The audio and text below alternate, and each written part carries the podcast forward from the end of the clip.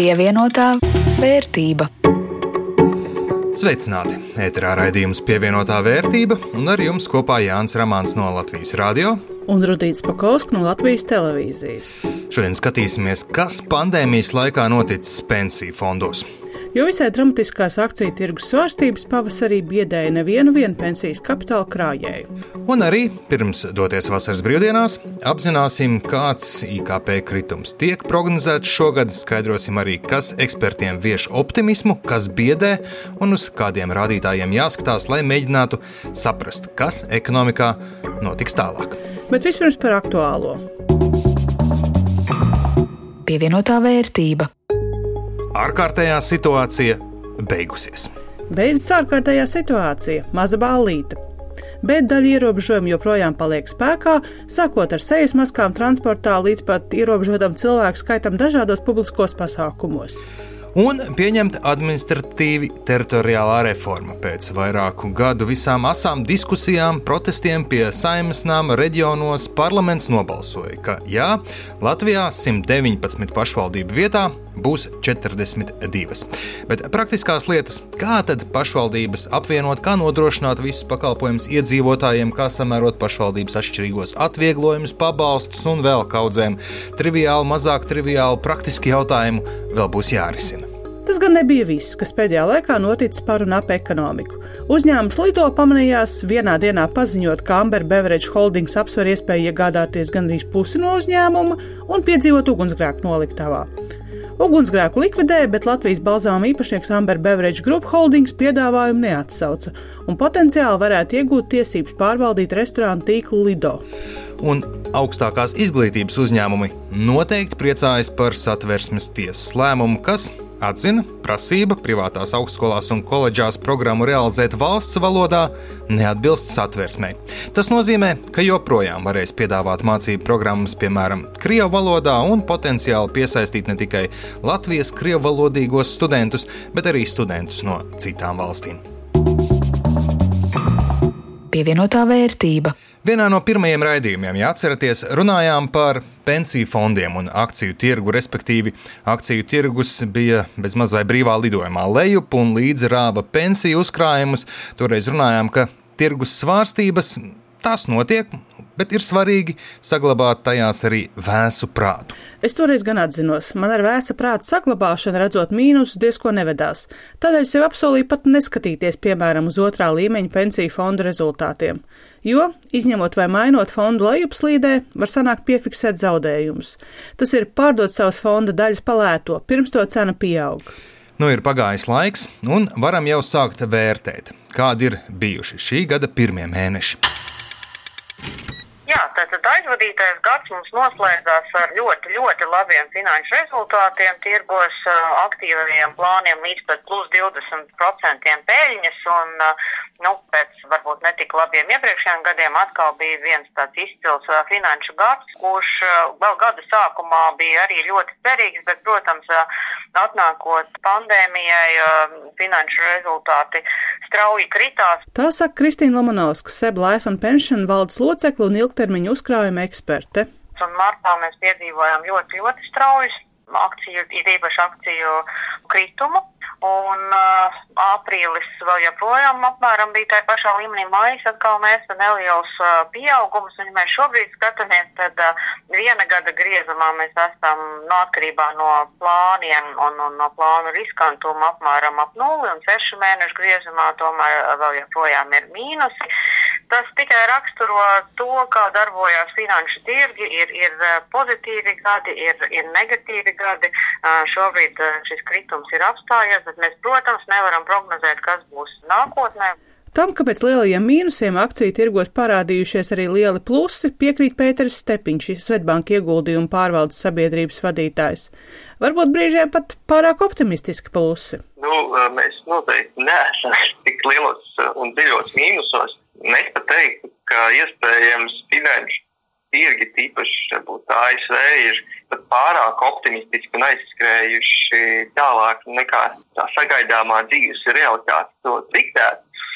Jo, piemēram, ja mēs skatāmies, mums arī uz finanšu tirgiem ir dažādi reģioni. Tad, piemēram, Amerikā nu, nu jau, jau pirms dažām dienām bija akciju tirgus, kur tas bija gada sākumā. Nu, pēc tam gan sekojas ir, uh, kritums. Bet kā uz šiem akciju tirgus amerikāņu kalniņiem reaģējuši pensiju kapitāla īpašnieki Latvijā? Īsā atbilde ir, varēja būt sliktāk. Skatoties uz makro cipariem, Latvijas iedzīvotāji rīkojušies visnotaļ pragmatiski. Bet lūk, Kristīnas Lamanovskas garā atbild. Tieši Covid pandēmijas tajā epicentra laikā, kas bija marts, varbūt vairāk aprīlis un maijs, tieši plānu maiņas bija salīdzinoši mazākas nekā iepriekšējā gada attiecīgajās mēnešos, un tas ir īstenībā ļoti labi, ļoti loģiski, jo, nu, teiksim, krīzes brīdī mainīt eh, nav tā pareizākā stratēģija un izvēle, ja? bet toties gada nogalē un, un gada sākumā mm, bija ļoti aktīva šīs plānu maiņas, un, eh, un tas ir pareizi, tad, kad, nu, teiksim, ir, nav, nav šāda finanšu krīze, ir, ir, ir eh, normāla finanšu apstākļi, tad tas ir tas brīdis, kad pārvērtēt, nu, vai mēs esam pareizos uh, plānos. Ja? Jo, nu, iedomājieties, ja tuvojās pensijas vecums un cilvēks joprojām ir aktīvajā plānā, kur ir 50, piemēram, vai 705 pat šobrīd ja, procenti akcijās, nu, tad uh, šāda krīze, tu, protams, ar, ar tajā brīdī, pie, piemēram, pat mīnus 20% kritumu ir diezgan nu, traģisks gadījums, ja, kur varbūt ne visi cilvēki līdz pensijas vecumam tik, tik ilgi ir, lai viņi sagaidītu, kad šī krīze beidzās un, un uzkrājumi atgriežas atpakaļ iepriekšējā vērtībā. Mazliet citu novērojumu par Latvijas iedzīvotāju uzvedību ir Svedbanka. Martā, piemēram, dažos trešā līmeņa pensiju plānos varēja redzēt, ka cilvēki izņem uzkrājumus. Turpina Pēters Stepiņš. Kāds varētu teikt, ka jā, nu, viņi bija ļoti gudri un, un ieguldījās pavisam visaktīvākajā plānā, kas mums ir Svedbankas gadījumā, ir mums tāds 100% aktīvu plānu, nu tad patiesībā nē. Jā, paskatoties uz tā naudas, naudas plūsmā, nu, cilvēki izņēma šo uzkrājumu ārā, kas, nu, tā, protams, tajā brīdī iespējams bija jā, citas vajadzības vai tāds, bažas, nu, nu, tad, tad nu, tie cilvēki nu, parāda to, ka ir, ir viegli kļūdīties, nu, ja, ja mēs skatāmies no šodienas skatu punkta bet otrā līmeņa pensiju plānu maiņas, lai gan pieaugušas, tomēr nav dramatiska pieauguma. Martā uz mūsu konservatīvo plānu, tas ir stabilitāte, nu, pārgāja nu, 500, 600 klienti. Ja, ja ierast katru mēnesi nu, no mūsu citiem pensiju plāniem, no stabilitāte aiziet no 200, 250 klienti. Tā kā nu, bija nedaudz, nedaudz palielināts uh, tieksmi iet uz konservatīvāku plānu. Nu, skatoties no, no šodienas situācijas, labi, ka nu, tur vai nu klienti neskatījās, kā viņu kapitāls tieši tajā brīdī saruks. Nu, vai arī nelikās par to neziņas, un, un, un tādā ziņā nu, tas lēmums ir bijis, raugoties no šodienas, ļoti labs tajā drūmākajā brīdī, nemainīt pensiju stratēģiju un palikt tajā, kas ir piemērota pievienotā vērtība. Ja gada sākumā būtu varējuši prognozēt, kas notiks šogad, daudz kas būtu krietni vien vienkāršāk. Bet nākotnes prognozēšana ir viena ārkārtīgi nepateicīga lieta bet, diemžēl vai par laimi, ir eksperti, kam ar to jānodarbojas un jāmēģina datu un informācijas zupā saskatīt, kas būs tālāk. Un šīs sezonas noslēdzošajā raidījumā esam apkopojuši Latvijas banku prognozes par iekšzemes koproduktu šogad. Latvijas banka jūnijas sākumā nāca klajā ar savu jaunāko prognozi, vēl sliktāku nekā martā. Pēc viņa domām IKP Latvijā šogad saruks par 7,5%. No bankām šobrīd lielākie pesimisti ir Seibanka. Viņa jaunākā prognoze ir IKP kritums par 8,3%. Lai gan prognoze uzlabojas, izskatās, ka atgūšanās nebūs tik strauja un pēkšņa, skaidro Seb ekonomists Dainis Gašpuits vīrus tomēr pasaulē turpina mosīties, un, un mēs redzam, ka pasaule ir vēl ļoti tālu no tā, lai to kaut kādā mērā iegrožot tik lielu, teiksim, tik daudz, lai tas noņemtu to stresu, kas ir patērētājos, uzņēmējos, un, un lai tie sektori, kas ir tiešā veidā skarti, lai viņi, teiksim, spētu ar pilnu jaudu atkopties. To mēs šobrīd redzam, ka nenotiek. Līdz ar to visticamāk, nu, tā atkopšanās būs krietni mēnīgāka un uh, smagnējāka. Līdzīga prognoze kā Latvijas bankai, aptuveni 7,5% kritums ir arī Svetbanka un Luminor. Lūk, Svetbanka ekonomistes Līvas Zorgenfreis teiktais prognozes šobrīd ir nu, tāda lielā mērā dzīvošana.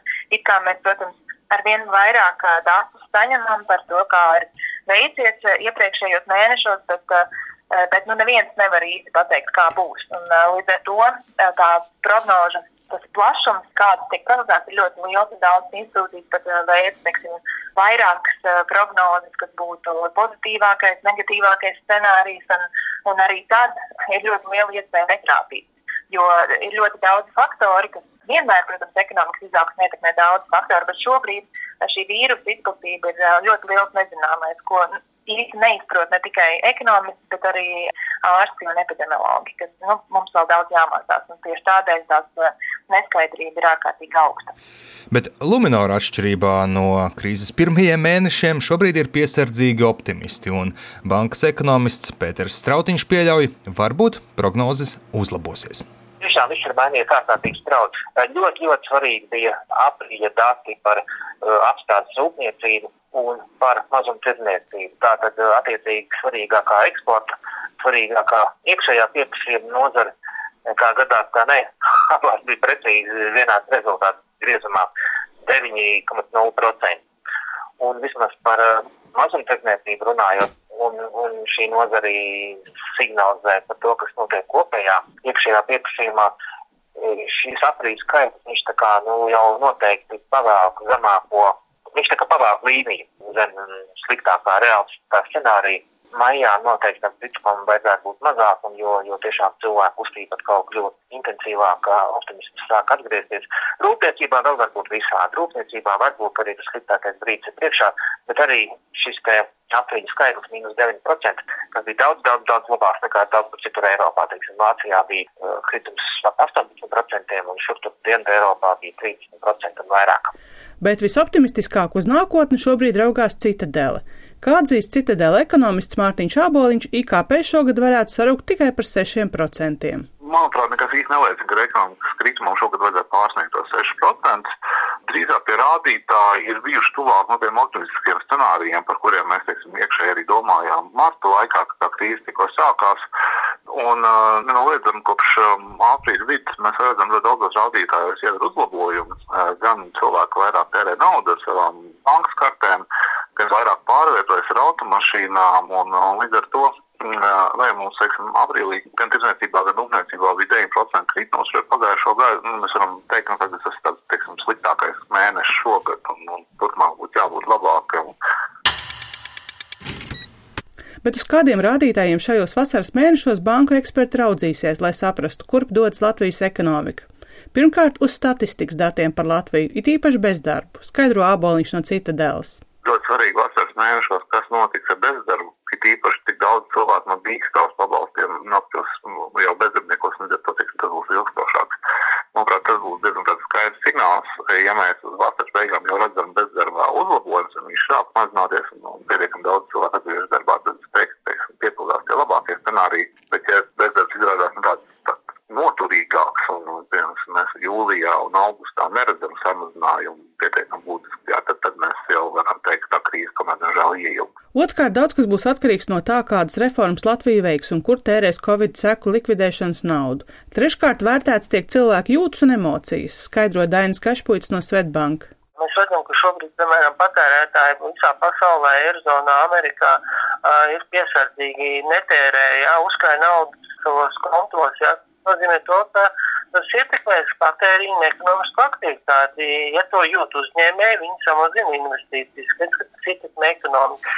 Ja mēs skatāmies, kas ir tie cēloņi, kāpēc tā uzņēmēji vai patērētāji jūtās, protams, viņi skatās, kā, kā rīkojās valdības. Viņi skatās, kāda ir attiecīgā teiksim, situācija saistībā ar vīrusu. Ja?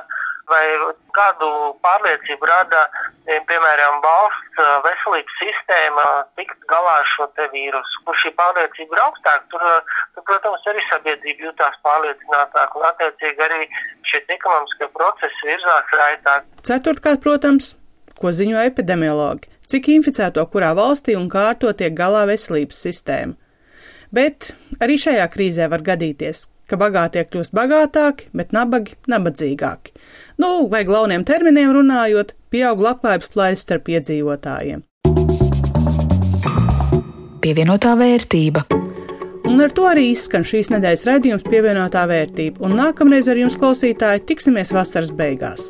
Bet visiepriekšēji izskanējušie raidījumi, tajā skaitā arī šis ir pieejami ne tikai Latvijas radio mājaslapā, bet arī Google un Apple podkastos. Ar jums kopā bija Rudīts Pakausks no Latvijas televīzijas. Un Jānis Ramāns no Latvijas radio. Par skaņu rūpējās Kaspars Groskops.